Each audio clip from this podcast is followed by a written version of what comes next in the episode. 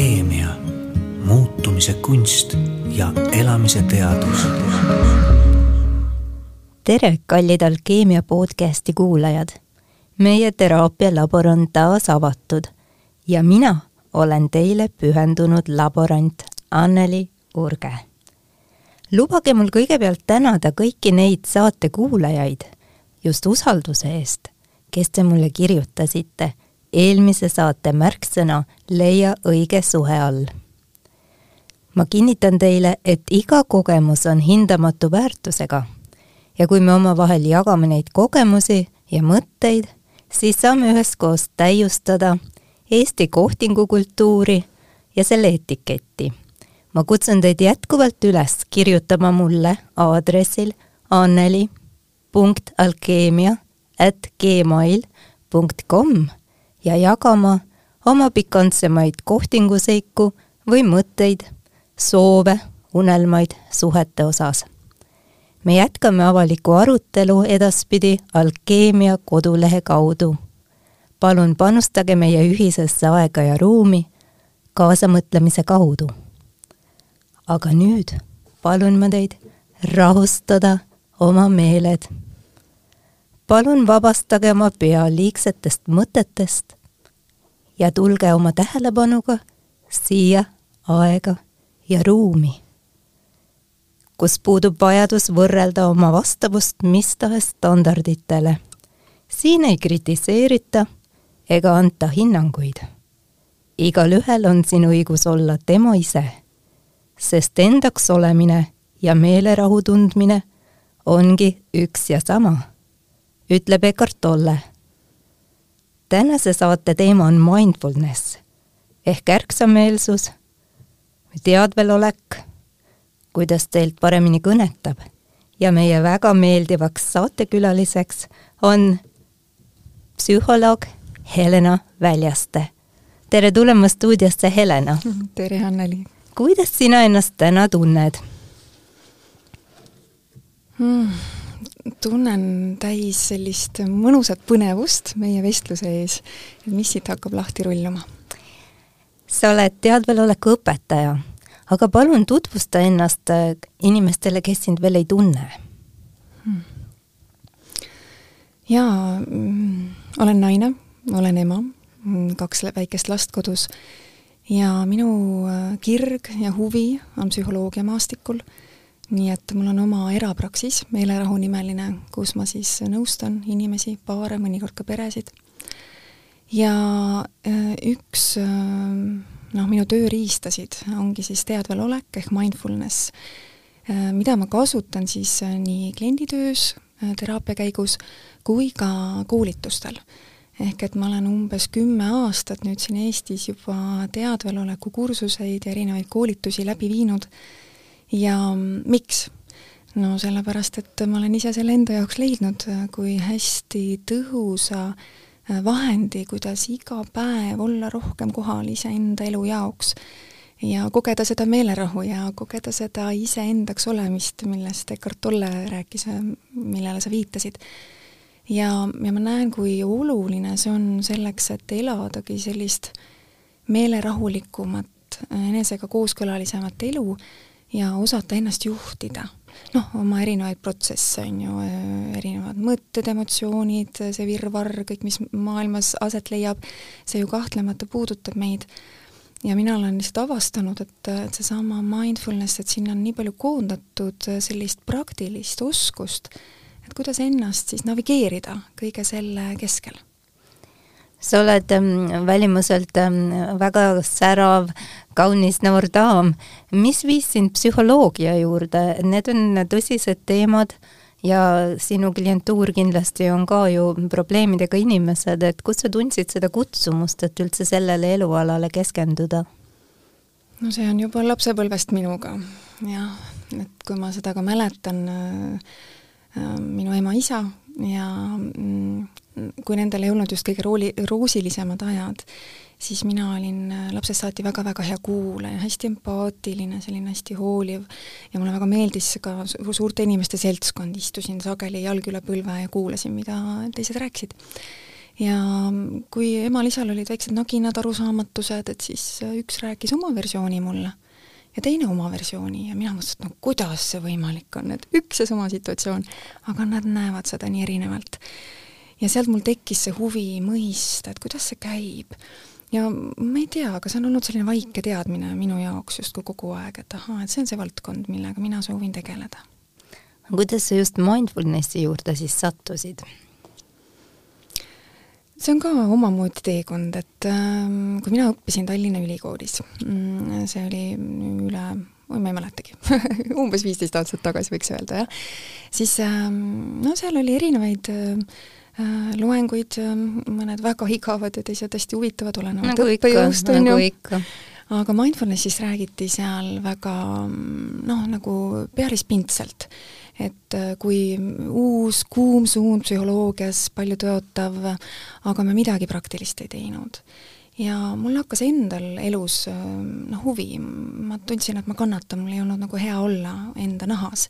ma hakkasin otsima mingeid praktilisi väljundeid ja ma mäletan, ma läbisin ühe teadveloleku kursuse äh, online'is ja see nii palju mõjutas mind, nii palju aitas mind ja kuidagi avas mu silmad sellele, mis enne oli minu silmade ees nagu nähtamatu. Äh, noh, tõesti kas või see, et kuidas ma autopiloodil kulgen või usun iga oma mõtet kui fakti või no, kuidas ma olen nagu nii palju mõjutatud oma emotsioonidest ja, ja ma hakkasin seda nagu selgemalt nägema ja oskasin tuua ennast rohkem kohale sellesse hetke, sellesse tegevusse, mida ma tegin, ja sellel oli minu jaoks tohutu rahustav mõju.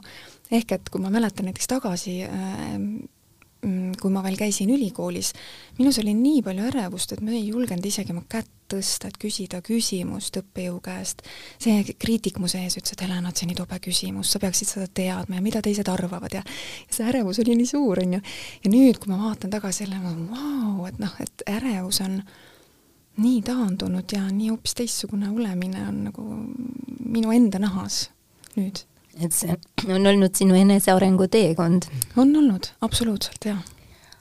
E, mindfulnessil ehk siis teadvelolekul on mitu erinevat definitsiooni, oleneb, kes seda defineerib, aga mida sina ütleksid, mis see siis on, see mindfulness? Jaa, eh, ma täna võib-olla ütleks selle kohta, et see on üks äh, kõige tähtsamaid asju inimeseks olemise juures, ähm, mis on nagu nähtamatult justkui kogu aeg olemas või ei ole olemas. ehk et äh, mindfulness või teadvalolek on selline seisund, kus sa oledki oma tähelepanuga kohal siin ja praegu, märkamas seda, mis parasjagu on, kas sinu sees või sinu ümber. ja sa tead, et sa tead ehk et äh, selle vastandunu unustamine, no näiteks, et sa unustad ennast oma mõtetesse ja muudkui käiad ja sa isegi ei tea, et sa mõtled. või sa toimetadki kuidagi automaatpiloodil, kuidagi äh, teed midagi ära, ma ei tea, kõnnid kas või ühe vahemaa nii, et sa tegelikult ei tea, et mis sa seal nägid või kogesid, sa oled kuhu, kuhugi lihtsalt kohale jõudnud. ja niimoodi me võime nagu läbi elu kulgedagi selle automaatpiloodi peal ja nii palju olulist jääb märkamata ja, ja ütleme, kui me vahetame käiku, et meil kõigil on võimalus käiku vahetada, on ju, ja tullagi hästi ärkselt kohale, seda hetke märkama, siis siin on nii palju huvitavat. on üks hetk, kui rikkalik see on. sul on nagu kõik viis meelt, mille kaudu sa saad maailma kogeda ja sul on su mõttemeel samamoodi, mida sa saad jälgida ja alles siis sellest kohast on võimalik ka enesejuhtimine eks, et kui sa nagu märkad enda sees mingit emotsiooni nagu kerkimas, et ahaa, vaata, mis see on ja et, et kas seda on hetkel vaja ja, ja kas see on mind mõjutamas või mitte või, või märkad oma mõtteid, mõtled, ohoo, et see on küll huvitav lugu, et kas see on fakt. ja et ähm, noh, definitsioonid ähm, on erinevad jah, aga mulle üks meeldib, mis on John Kabat-Zinni poolt öeldud, on see, et ähm, et see on teatud sorti teadlikkus mis kerkib, kui me pöörame oma tähelepanu siin ja praegu, me teeme seda tahtlikult ja me teeme seda hinnangute vabalt. ehk et siin on teatud selline avatus, uudishimulikkus, ka sõbralikkus selle hetke kogemuse vastu. et me ei hakka ennast kritiseerima, kui me avastame, et me istume jälle küürus seljaga või me oleme jälle kolmanda kohvitassini juba jõudnud märkamatult just täpselt, või siis, et kui ma märkan, et see kriitika juba iseeneslikult on toimunud, et see on ka üks automatism, on ju, ennast kritiseerida, me oleme see, väga paljud inimesed on seda enamuse oma elus teinud, et siis vaadata seda ja ahaa, olla selle suhtes teadlik, on ju, et mitte nagu sellega kaasa minna, vaid teadvustada, ahaa, see on siin. ja siis sa ei ole sellest nii kaasa haaratud. et siis sa nagu selles mõttes ju kannatad vähem aga see teadvelolek ühelt poolt nagu justkui tundub, ah, lihtne või mis see siis nagu on, on ju. pööran tähelepanu sellele, mis on. ja samas, see on üks võib-olla keerukamaid asju üldse, sest see kaob nagu ära püsida selles seisundis, jah? jah mm -hmm., see pudeneb nagu käest. et kes iganes on kunagi kas või viis minutit proovinud oma hingamist näiteks jälgida, üks mindfulnessi harjutusi lihtsalt, siis võib avastada, et oih, et natuke nagu jälgin mõnda hingetõmmet ja juba tähelepanu on kuhugile mujale vilksanud. ja, ja niimoodi on ka igapäevases elus, et justkui nagu oled nagu kohal ja siis mingi hetk avastad, et oih, et enam ei olegi kohal, jah ja mida mina nagu praktika kaudu oskan öelda, on see, et äh, kiiremini on võimalik äh, noh, praktiseerimise kaudu hakata avastama neid hetki, kus sa ei olegi kohal ja sa suudad ennast nagu kiiremini tuua jälle hops-hops sellesse hetke nagu kohale, kontakti ma olen aru saanud, et kui me kohal ei ole, siis me oleme põhimõtteliselt äh, kolmes äh, erinevas dimensioonis. see on kas siis minevikus, tulevikus või siis fantaasiamaailmas. ja selleks, et tulla praegusesse hetke kohale, selleks peab tõesti tähele panema, kuhu ma siis kadusin. absoluutselt, jah ja noh, kui me üldse mõtleme, et milline vahend on võimeline meid viima oleviku hetkest välja, see on meie imeline töökas mõistus, noh mõistus me väga vajame seda. just nimelt. On ju, ja samas äh, me noh, niivõrd tõhusam on elu, kui me suudame ise ka nagu seda juhtida, on ju, et et ma ei pea iga hetk mõtlema, ma võin ka tulla mõtete juurest ära ja anda endale ka sellest puhkust. Ja ma saan ka valida, et ahaa, et kas iga mõte, mis pähe tuleb, neid on kuuskümmend tuhat mõtet päevas ja kas need on üldse meie enda mõtted, kui me hakkame neid mõtteid jälgima, siis me saame aru, et võib-olla üheksakümmend protsenti ei olegi. just täpselt, et need polegi minu mõtted või, või need on vanad mõtted või ma olen seda kõike juba nagu kuulnud, siin ei ole uudsust, eks. Need on kõik samad mõtted, mis kogu aeg tiirlevad meie peas. just täpselt, jah. ja enamasti negatiivsed mõtted. seda ka, jaa, et ja. meie ohuradar ju töötab ja äh, siin mm, on äh, mõned autorid öelnud, et äh, mõttemeele taltsutamine, see on nagu metsiku elevandi taltsutamine, et see on nagu nõuab suurt tööd ja, ja pühendumist. et üldse tähele panema hakata, mis mõtteid ma mõtlen ja teadvustada endale, et ma tegelikult saan valida, mida ma mõtlen. just, ja ma arvan, see esimene samm üleüldse on taibata, et mina ei ole minu mõtted et äh, see on väga suur taipamise koht, et ähm, kuna mõtted on meile nii lähedal ja nad konstantselt pidevalt meie pea sees on ju ringlevad, siis on nii lihtne ennast oma mõtetega segi, segamini ajada. aga juba see äh, teadmine, et ahaa, et mina tean, et mõtted on, mina saan neid vaadelda või mina saan neid kuulata, märk-, märgata nende tulemist, minemist ja ma ei pea iga mõttega kaasa minema, see on nii tohutult vabastav. just nimelt, ja kui me läheme nendega kaasa, siis me nagu pudistame oma energiat laiali igale poole, et me ei ole kohal ja me ei saa seda mõttemeelele ka puhkust anda just, sest üks mõte viib teiseni analoogia printsiibil ja nii me võime alustada küll ühest kohast, mis tundub, et ohoo, on asjalik mõte ja tasub edasi mõelda ja juba me oleme ei tea kuhu jõudnud, on ju. et äh, märkamata võib-olla samal ajal, mis meie elus päriselt sünnib või, või mis on päriselt oluline aga kuidas siis nendest mõtetest vabaneda, kas sa paned oma mõtted kirja ja oled suuteline nad siis järgmisel hetkel unustada? Vot selline, ma arvan, see on nii äh, oluline küsimus, sest ma arvan, väga paljud inimesed mõtlevad, kuidas ma saan oma mõtetest vabaneda. Ja mm, mina ütleks nii, et nendest ei pea vabanema, et vaata, kui meie südametöö on äh, pumbata verd, on ju, nii meie mõistuse töö on toota mõtteid, et meil ei ole vaja neist vabaneda, see on noh, utoopiline, me ei saa neist mitte kunagi nagu lahti, aga meil on vaja arendada välja uus suhe nendesse.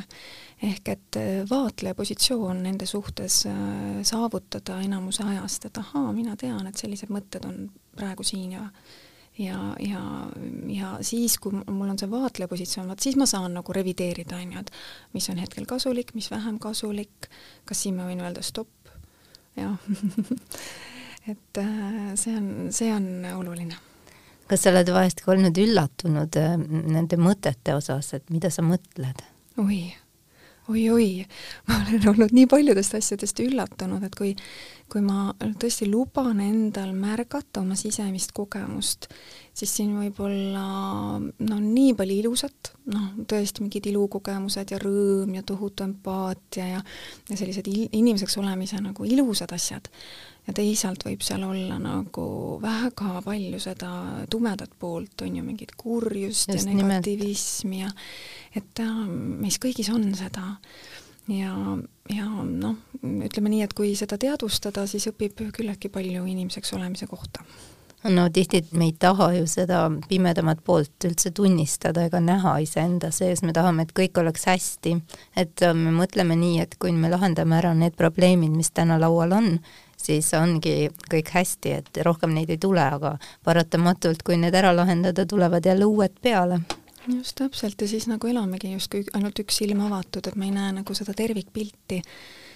ja, ja sealt tekib juba soov, eks ole, põgeneda reaalsuse eest, on ju, et ma ei taha näha seda, mis mu sees toimub, et mul on see mingi paha tunne siin, on ju, või või mingid äh, sellised mõtted, mis äh, noh, tõesti võib-olla pelutavad mind ja siis ma lähen hoopis võib-olla külmikust haaran midagi süüa või, või võtan kellegagi ühendust, hakkan kohe lobisema või noh, et midagi Just. paaniliselt tahan teha selleks, et sellest kõigest lahti saada. Või alkohol või narkootilised ained ja et mitte olla kohal põgeneda oma reaalsusest. aga mis sa siis soovitad nendele inimestele, kellel on see olukord, et kuidagi ei taha olla seal oma halbade mõtete maailmas? oh,? nüüd see oleneb, et kellega tegu on, et ähm, kui inimene ei ole mitte kunagi võib-olla praktiseerinud äh, teadvelolekut, aga ta tahaks anda endale natuke puhkust, siis nagu üks ähm, lihtne viis on tulla korraks lihtsalt äh, eksperimenteerida. mis juhtub, kui ma tulen korraks oma meelte juurde kohale? Ja tõesti korra vaatan, et mis on minu ümber, mida ma näen, mida ma täitsa uut võib-olla võin oma keskkonnas näiteks tähele panna. Ahaa, aga millised helid on siin ja praegu, kuulan, see helimaastik, selle hetke helid, mis lõhna ma tunnen, mida ma tunnen oma kehas, mis maitse on suus näiteks. Ja kas või selline väikene paus võib tekitada pausiga selles mõttemüras, nii et mõtted saavad rahuneda, emotsioonid saavad ka rahuneda ja juba on hoopis teine olemine et ähm, sellised nagu lihtsad meetodid, et sa ei pea nagu ütlema stopp oma mõtetele, vaid suunama oma tähelepanu teadlikult mõneks ajaks nendest eemale. Olgu see siis tõesti need viis meelt, olgu see hingamine, olgu see, kui sa lähed jalutama, et sa märkad oma jalataldu vastu maad või, või tõesti seda loodust enda ümber või kui sa asud vestlusesse, et sa pühendud nagu sada protsenti, et sa kuulad seda teist inimest ja kui sa räägid, et sa räägid, et sa proovid nagu lihtsalt oma tähelepanu ka mujale suunata. et äh, mõtetel on selline kleepuv jõud, me sageli jääme nende nagu külge kinni, justkui nagu iga mõte tahaks näidata, et ta on nii tähtis ja ja nii tõene ja nii oluline, akuutne praegu just siin ja praegu. aga, aga kui nagu vaikselt treenida, et ahaa, ma võin ka lahti lasta sellest ja tulla tähelepanuga nagu selle reaalelu juurde, on ju, et virtuaal on meie peas. et, et siis see annab sellise hea nagu pausi, kus tõesti see sisemaailm saab ka rahuneda. ja need pausid lähevad aina pikemaks, kui seda rohkem praktiseerida jah, ja mingi hetk sa saad aru, et sa saadki enamuse päevast võib-olla niimoodi, mitte nagu pausitada, on ju, vaid et sa teed oma tegevusi nõnda, et sa oled nagu kohal nende jaoks märkamas, teadvustamas. kui palju sina suudad seda teadlikkust ähm, siis ähm, hoida? tead, see oleneb, äh, see ei ole nii, et iga päev on üks ja sama ja nüüd ma nagu loendan neid tunde või nii aga ma arvan, et see on minu jaoks tähtis, et, et see on minu jaoks tähtis, vaata. et mul on midagi, mille juurde ma pidevalt nagu tagasi tulen.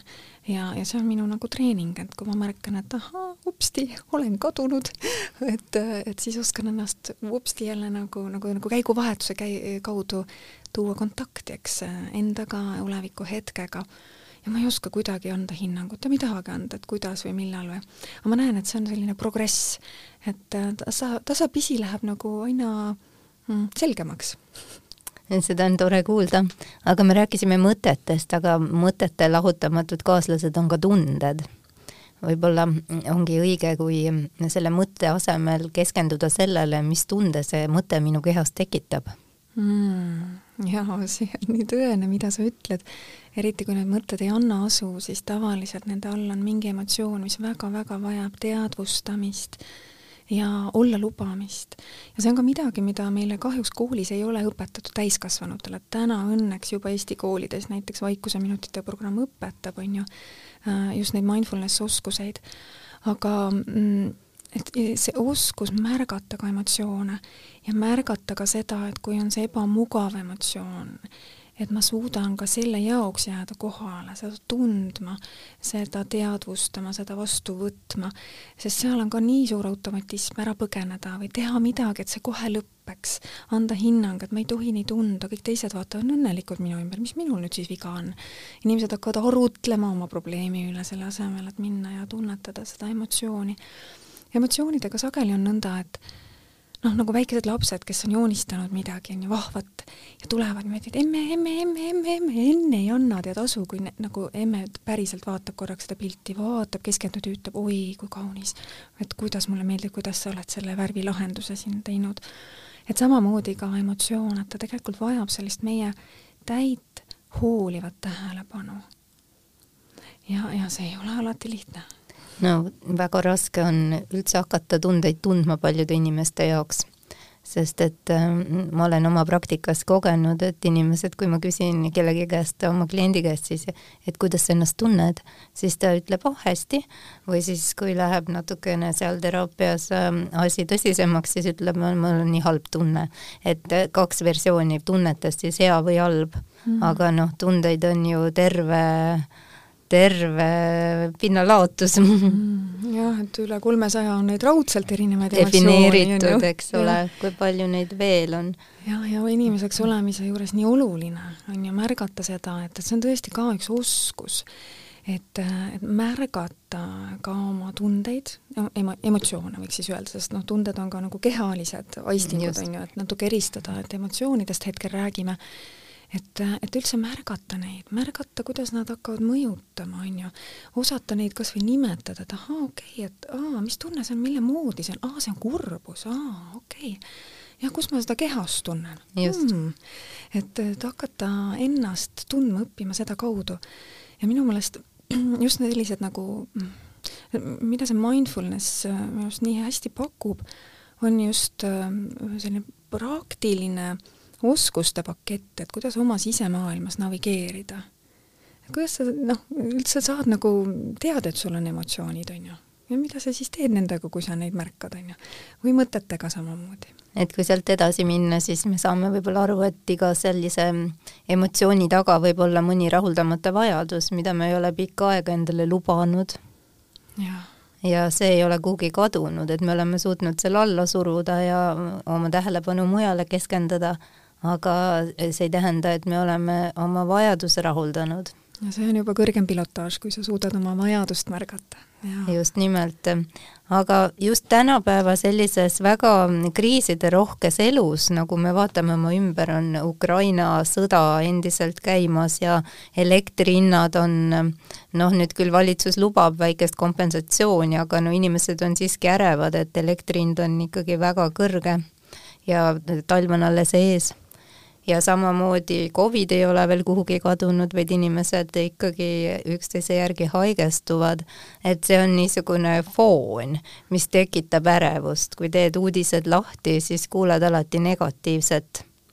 ja inimestel nagu on lootus hakkab kaduma et mida sa ütleksid selles olukorras, et äh, lihtne on muidugi võtta mingi rahustav äh, preparaat sisse või, või siis ähm, äh, oma meelt siis tuimestada alkoholiga näiteks ja minna kuskile näiteks muusikamaailmas korraks rännata ära oma kehast, et et olla kuskil mujal oma fantaasiates ja saada nagu sellist kergendust ja lohutust mõneks hetkeks, aga aga tihti ju tuleb ähm, tõdeda, et ma pean jälle tagasi sinna reaalsusesse naasma mul oli üks eelmise saate külaline psühhiaater, kes soovitas, et jaa, enne kui hakata neid ähm, rahust tõid neelama, oleks mõistlik vaadata üle kõik oma, oma elu äh, sellised aspektid, et kus ma saaksin oma elu paremini korrastada, mida saaksin mina täna teha selleks, et ma olen paremini valmis selle sügise suhtes, kuidas ma saaksin kokku hoida, kus ma saaksin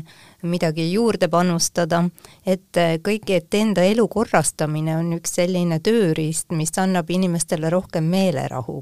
Hmm, ma arvan, tal on väga õigus, sellepärast et noh, ütleme üks võimalusi, mida saab teha, on hakata lihtsalt revideerima, et kui suure osa oma päevast ma veedan nendes negatiivsetes mõtetes, nendes muremõtetes näiteks, ja kui selle aja kas või seal poole ma saaksin panustada sinna, et ma hoopis tegutsen selle nimel, mida ma soovin saavutada, noh, et ma võib-olla siis varun endale mingeid küttepuid või ma teen midagi päriselt ära sellesama ajaga, et siis on sellest juba tohutu suur võit jaa, ja sa küsid, et mida, mida teha, et seda ärevust on tõesti palju. mulle meenub üks Mark Twaini tsitaat, ta on öelnud ilusasti, et minu elus on juhtunud väga palju kohutavaid asju. Mõningad neist leidsid ka päriselt aset.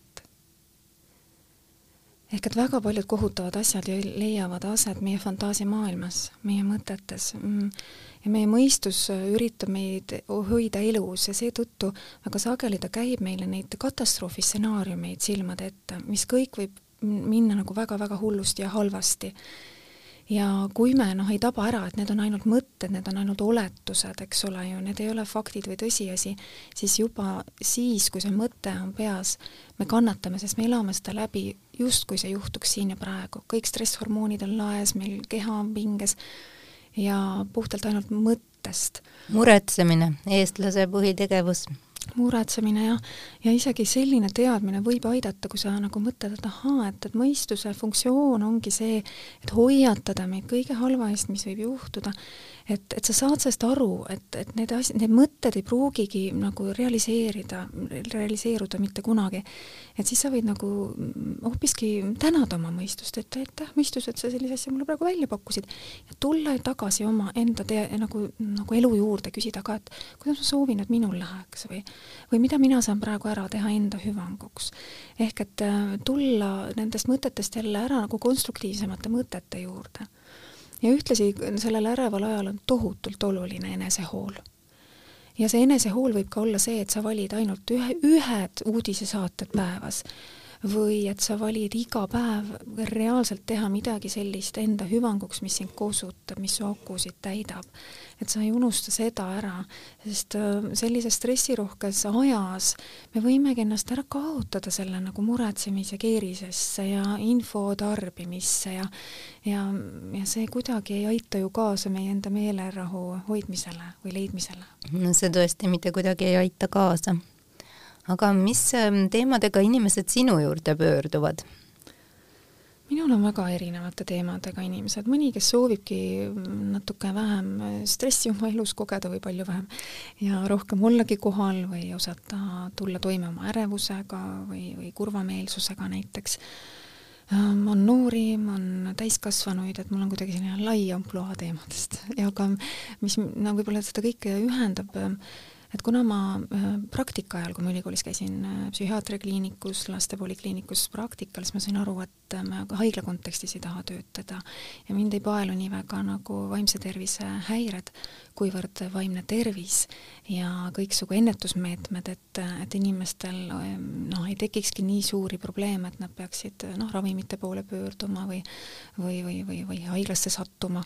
nii et mina noh, olen nagu nüüd panustanud siin väga palju just sellesse ennetusse ja praegu ka ütleme, teadvaloleku kursuseid ju tellitakse riigiasutused, erafirmad, koolid, meditsiiniasutused, et ka just selle eesmärgiga, et toetada inimeste vaimset tervist, vaimset hakkamasaamise võimekust ja ennetada probleemide väljakujunemist no kirjelda ühte sellist kursust, mida see endas sisaldab mm? -hmm. võib-olla kõige parema meelega tutvustan kaheksanädalast teadvaloleku kursust, mis on selline väga-väga klassikaline formaat, mida maailmas viljeletakse. Ja noh, Eestis siin näiteks vaikuseminutite teadvaloleku kursus on selline, kus kaheksa nädala vältel kaheks tunniks tuleb grupp inimesi kokku. Ja iga nädal on erineva teema fookus. algab näiteks sellest, et kuidas üldse tuvastavad autopiloodi ja kuidas sellest maha astuda siis on nagu selline suurem kehateadlikkus, sealt edasi liigume juba mõtetega, emotsioonidega toimetuleku juurde, siis sellesse, et kuidas ähm, suhetesse tuua suuremat äh, teadlikkust, kohalolu äh,, empaatiat ja, ja lõpuks, et kuidas elada oma elu sellisel moel edasi ka ku pärast kursuse lõppu, et, et olles nagu rohkem kohal äh, enda, teiste ja oma tegevuste jaoks ja, ja see on nagu kihvt, et äh, see grupp inimesi, seal võib olla umbes kuusteist inimest, äh, läbib seda teekonda samal ajal. Äh, kaks tundi niimoodi iga nädal saame kokku, aga vahepeal jääb siis neid erinevaid harjutusi harjutada. mõned on sellised, mis nõuavad ajalist investeeringut, no ütleme viisteist minutit päevas. et sa võtad selle aja, paned endal klapid kõrva, kuulad juhendit ja teed aga oma harjutust kaasa.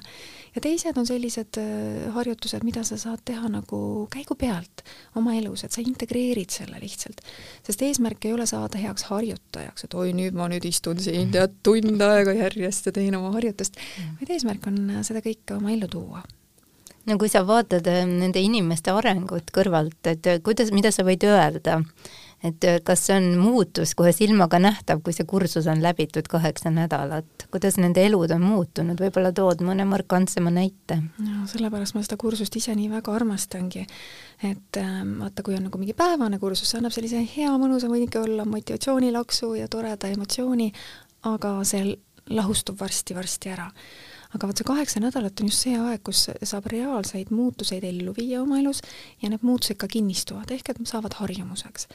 ja noh, mina olen ikkagi näinud, et tavapäraselt juba teisel-kolmandal kohtumisel inimesed toovad välja, et vau wow,, ma märkasin, et kuidas ma sain võtta tõesti aega oma toidu jaoks ja tõesti süüa seda ja, ja millised taipamised selle kaudu inimeste ellu tulid või või kuidas nad äh, kuidagi räägivad, et nendel on rohkem nüüd sellist rahulikkust või kergust või rõõmsust või naudinguid oma elus no mis on juhtunud pärast seda kursust, ehm, osadel, no näiteks füüsilisel tasandil, mõned inimesed ütlevad, et nad magavad palju sügavamalt, palju paremini, uneprobleemidele leidnud nagu lahenduse, jah.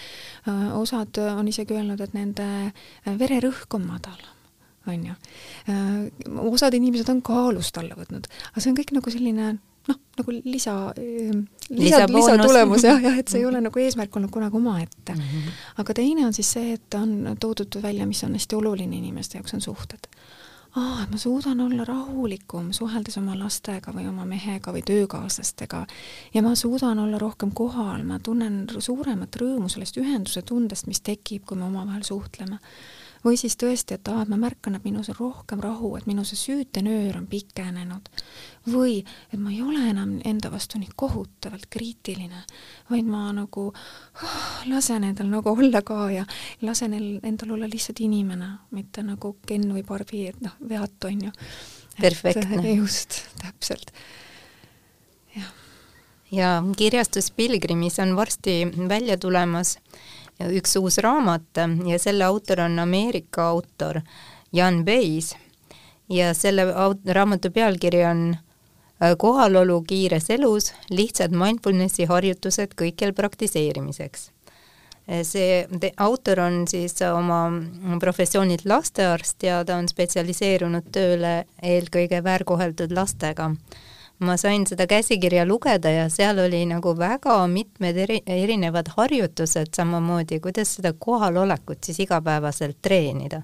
näiteks üks äh, selline harjutus, mida ma välja tooksin, oli keskenduda oma mittedominantsele käele et tavaliselt me ju me ei märkagi, kuidas me teeme asju, nagu mehaaniliselt teeme, peseme hambaid, võtame kohvitassi, paneme nööbid kinni, kõike teeme selle dominantse käega ja me ei märkagi seda teist kätt, et meil ka tema on. ja kui me nüüd hakkame temale tähelepanu äh, suunama ja siis asju tegema teise käega, siis me saame aru, kui kobad me oleme mm. -hmm. et see oli üks harjutus, mida ma proovisin ka teha ja, ja sai palju nalja ja, ja ma kujutan ette, et sa ka märkasid palju enamat, on ju, sest see on selles mõttes selline hea nagu harjumuste murdja, see harjutus, et, et sa tõesti hakkad märkama midagi, mis on nii igapäevane, nii tavaline, nii automaatne, et äh, sa hakkad seda uuesti tähele panema nagu erksalt ja sa võid nii palju sealt avastada. -hmm jaa. et ma ka tutvusin selle raamatuga ja, ja see tundus nii, nii põnev, nii lihtsad soovitused, aga väga sügavad. et kui seda päriselt nagu kaasa teha, nii nagu seal raamatus Kohalolu kiires elus on välja toodud, et sellest võib väga palju kasu tulla ja seal on ka selle harjutuse sügavam mõte välja toodud, et see ei ole nagu lihtne selline lõbus praktika, et enese lõbustamiseks, aga igal lihtsal asjal on ka oma sügavam mõte sees.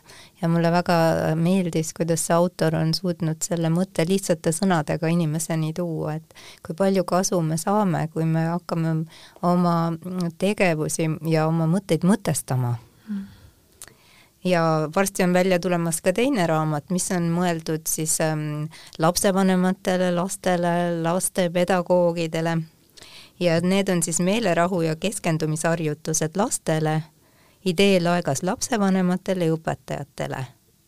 ja see on siis Monika Allerti raamat. ma tean, et sina kirjutad sellele siis eessõna sellele raamatule tagakaane. või tagakaane sõna jah, ja aga, aga jällegi, mis on siis see suur vahe täiskasvanute ja laste ärksameelsuse vahel, et lapsed on ju tihti just selles hetkes, kus nad paraja, parasjagu on, et nad ei ole ei minevikus ega tulevikus ega noh, fantaasiamaailmas ka kindlasti nad on, aga aga nende kohalolek on ju palju, palju siis tõsisem kui täiskasvanute omavaheliste vahel no,. lapsed on palju rohkem kohal kui täiskasvanud, aga nad ei tea, et nad on kohal on ju, nad ei tea ja. seda, meie nagu avastame oh,, ma olen kohal, aa jaa, nii. et siin on see teadlikkuse aspekt mm. -hmm. ja teine asi on see, et äh, kui lastele selliseid lihtsaid väikseid harjutusi õpetada, mis on mängulised, mis haaravad neid kaasa, nad selle kogemuse kaudu tegelikult õpivad ära näiteks selle, et kuidas ennast rahustada, kui ta on väga närvis või vihane või et äh, kui on paha tunne, et kuidas siis äh, ennast ise aidata. nii et nad on hästi praktilised sellised no, oskuste õpetajad, need väikesed harjutused. ja neid on tore teha, et lapsevanem võib-olla võtabki selle raamatu ja, ja hakkabki vaikselt sealt no, varalaekast neid erinevaid harjutusi võtma ja katsetama või, või õpetaja koolis või lasteaias, et ähm, see õpetab just sellist nagu selliseid enesekohaseid oskuseid lastele. Raamatutest on suur abi, kui inimene on huvitatud iseennast aitama, et raamat on ju alati su parem sõber ka olnud, et enne kui terapeudi juurde pöörduda, võib-olla ongi mõttekam lugeda läbi mõned raamatud ja juba mingi eeltöö ära teha, aga muidugi see on ka väga oluline, et minnagi teraapiasse ja saada ikkagi see suurem teadlikkus. jaa, sest ma nii alati imetlen neid inimesi, kes ütlevad, et ma ei ole kunagi kuskil kellegi juures käinud ja ma olen ikka oma elus kõigega ise hakkama saanud ja nüüd ma siis tulin ja tead, ma ikka jäin nii rahule, et ma tulin. et, et see on suur samm mõnikord, et, et möönda endale, et aa, et mul on raske praegu ja mul ei ole võib-olla häid ressursse, julgeda küsida julgeda pöörduda, julgeda ka ju tegelikult võtta see risk, et võib-olla see terapeut ei sobi sulle, see on, risk on ju alati olemas või sulle võib-olla ei meeldi see kõik. aga et sa julged seda teha ja, ja juba, kusjuures ma alati kuulen inimeste käest, nad ütlevad, et juba see otsus, kui nad võtsid ühendust, kui nad kirjutasid, juba hakkas midagi muutuma. noh, sest nad olid otsustanud enda äh, hea mm, nagu käekäigu eest hoolt kanda ja see otsus juba hakkab mõjutama et see on ka nagu võib-olla meie see nõukapärand, kus igaüks pidi olema enda eest väljas ja tugev ja terapeut, see oli nagu niisugune naeruväärne figuur üldse. ega ma hull ei ole. just, ega ma hull ei ole. aga teine asi tänapäeva ühiskonnas, mida mina olen märganud, et meie ühiskond on siiski selline suhteliselt skeptiline kuidas sulle tundub, et see kõik, mis on teaduspõhine, seda väga rõhutatakse, et kui ikkagi midagi on teaduspõhine, siis seda meetodit me usaldame, aga kui äh, ei ole teaduspõhine, kuulub müstika valdkonda, no siis on uua-uua ja, ja seda ei peaks äh, kogema ega proovima nüüd mindfulness on tegelikult juba maailmas tunnustatud kui täiesti teaduspõhine meetod. Ma soovin seda siin rõhutada, sest ka meditsiinis kasutatakse mindfulnessi ja eriti veel vähiravis, kus inimesed on selle diagnoosi saamisel ju täiesti ärevuses ja neil on hirm tuleviku ees ja mis iganes hirmud oma elukvaliteedi ees et äh, siin aitab mindfulness tõesti inimesi siia oleviku hetke kohale tulla ja vaadata, et kuidas ma tunnen ennast täna siin ja praegu. ja tihti me peame tõdema, et see enesetunne oleviku hetkes on täitsa okei okay,, et midagi ei olegi ju väga halvasti et ei tasu siis endale igasuguseid negatiivseid stsenaariumeid ette manada, mida, mida me juba ka siin rääkisime. aga kuidas sulle tundub, kas see, et mindfulness on nüüd teaduspõhiseks meetodiks kuulutatud, see nagu suurendab inimeste arvu, kes äh, sellega tegelevad või kuidagi mõjutab nende teadvust? Ja kindlasti see, et mindfulness üldse täna nii levinud ja popp on, on tänu sellele, et see on leidnud nagu teaduses nii palju on tõestust, et ta on toimiv äh, meetod. et kui seda ei oleks, oleks skeptitsismi palju rohkem, aga täna on ka seda skeptitsismi ikka veel, et noh, ah, mis see nüüd ikka siis ära ei ole ja ja, ja noh, paljud ei tea, eks ole, seda veel, aga no üle kuueteistkümne tuhande teadusliku uuringu on tehtud, uurimuste hulk iga aastaga kasvab, me näeme seal, et inimesed, kes praktiseerivad teadvelolekut, on õnnelikumad, on rahulikumad, suudavad äh, oma tähelepanu, emotsiooni paremini reguleerida, on empaatilisemad, väheneb stressreaktsioon, väheneb negatiivism, on ju ja noh, nii, nii tähtsad asjad. ja lisaks ka tõesti see toimib ka füüsilisele kehale, ehk et me võime näha, et põletikumarkereid on vähem inimestel, on ju, nagu ma mainisin, uni võib paraneda, on ju mm,, vastuvõtlikkus haigustele on par-, on mm, kuidas vähem, vähem, jah. nii et noh, mitmekülgsed mõjud nii kehale kui meelele, jah ja meil Holistika Instituudis õpetati selliselt, et tegelikult keha jaoks on see äh, ei ole mingit vahet, kas me reaalselt äh, füüsiliselt kogeme midagi või me siis kujutame seda endale ette ette ja me viime oma keha sellesse tundesse, mi-, mida me kogeksime, kui me näiteks ähm, talisuppleksime või, või siis äh, oleksime mõnusa sooja duši all või oleksime päikese käes, et et kui me suudame oma meele abil endale seda kujutleda ja selle tunde tekitada, siis keha juba tegelikult saabki selle kogemuse. Just, ja, ja kui me ka tuleme oma tähelepanuga üha rohkem oleviku hetke, siis ka see on nagu puhkus meie meelele. ja siin saab nagu oh, avastada isegi selle, et oi, et mu keha kuidagi on nagu pinges ja lubad endal lõdvestuda ja juba iseenesest see, kui olla rohkem oleviku hetkes kohal, noh, stressi on vähem mõnede inimeste jaoks on see ka juba stressifaktor, kui ta teab, et ta peab tegema neid ja neid harjutusi päevas, seal tegema neid väikeseid võimlemispause või siis mediteerima või see nagu tekitab tegelikult stressi, kuna see on nagu selline kohustus, mida ta endale on võtnud. kuidas on mindfulnessi praktiseerimisega? jaa, võib ka olla sellist kogemust, eks erinevad inimesed on, kuidas nad suhestuvad asjadesse et see võib olla justkui tüütu kohustus ja üks mm -hmm. asi juures elus, aga kui inimesed nagu annavad sellele võimaluse, siis äh, mida tavaliselt need skeptikud või need, kes oh, lisakohustus, tavaliselt ütlevad, et tegelikult selle kaudu tuli aega juurde. isegi jah? jaa, et tuleb aega juurde, sellepärast et see pea läheb klaariks, olemine kuidagi selgeks, eks ole ju, ähm, kuidagi see on selline jõudehetk, et kust tuleb jõudu juurde ja see kandub nagu päeva edasi. Nii et äh, pigem, pigem mina kõigile skeptikutele ka ütleks, et äh, ärge niisama, olge nii skeptikud, proovige järgi, on ju.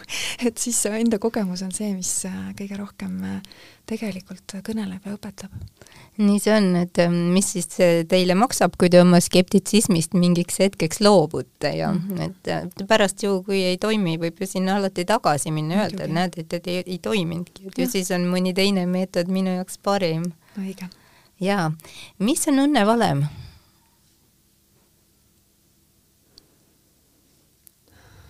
õnnevalem ähm, ei ole see, kui sa ajad õnne taga, on ju. et arvad, et õnn on kuskil mujal ja ma pean midagi tegema ja olema enne, kui ma saan olla õnnelik.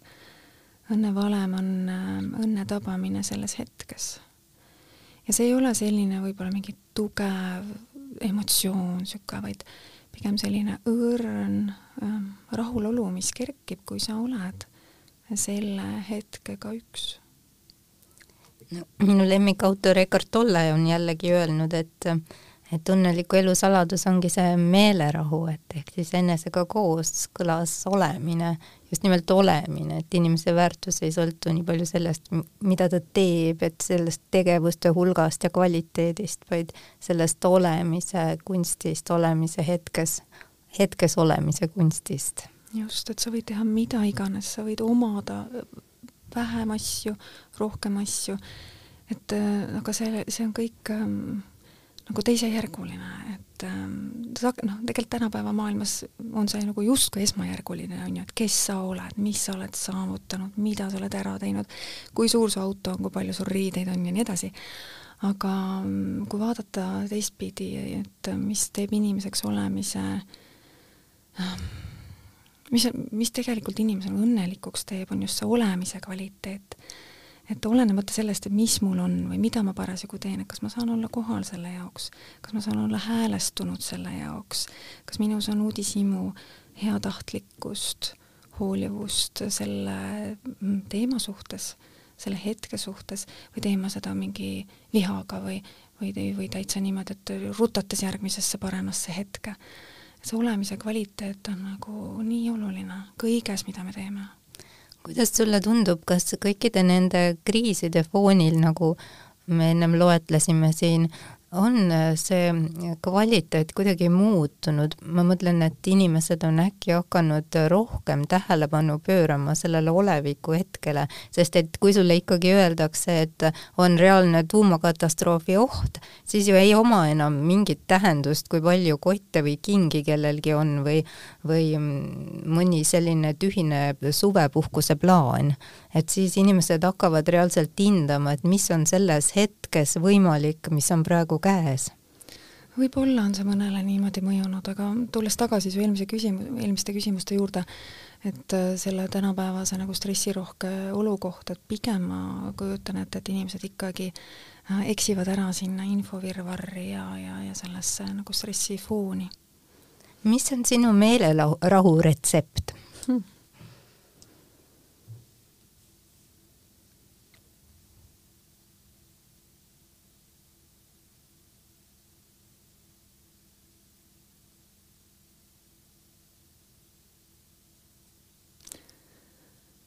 märka seda, mis on ja loo sellega rahu. sellise väga positiivse sõnumiga võime me ka tänase vestluse lõpetada.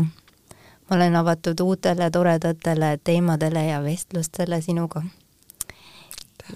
aitäh, et sa said täna tulla stuudiosse, Helena, ja sinu kaasabiga loosime me välja ka ühe Eckart Tolle raamatu siin ja praegu kohaloleku jõud kõigi nende kuulajate vahel, kes kirjutavad mulle aadressil anneli.alkeemia at gmail.com märksõna all mindfulness ja jagavad oma kogemusi, kuidas on siis mindfulness või teadvalolek nende elu mõjutanud. ma tänan sind ja soovin sulle uusi toredaid kordaminekuid ja ole ikka rahulikus meeles. aitäh, rahu ja rõõmu sulle! suur tänu sulle ja kõigile kuulajatele. järgmine kord juba uued ja huvitavad teemad. peatse kohtumiseni!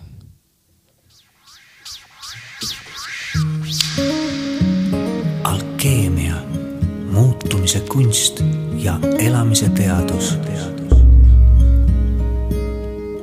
alkeemia taskuhääling toob teieni huvitavat ja harivat keha, hinge ja meele vallast. kuula ja loe alkeemia.ee, leia meid ka Facebookist ja Instagramist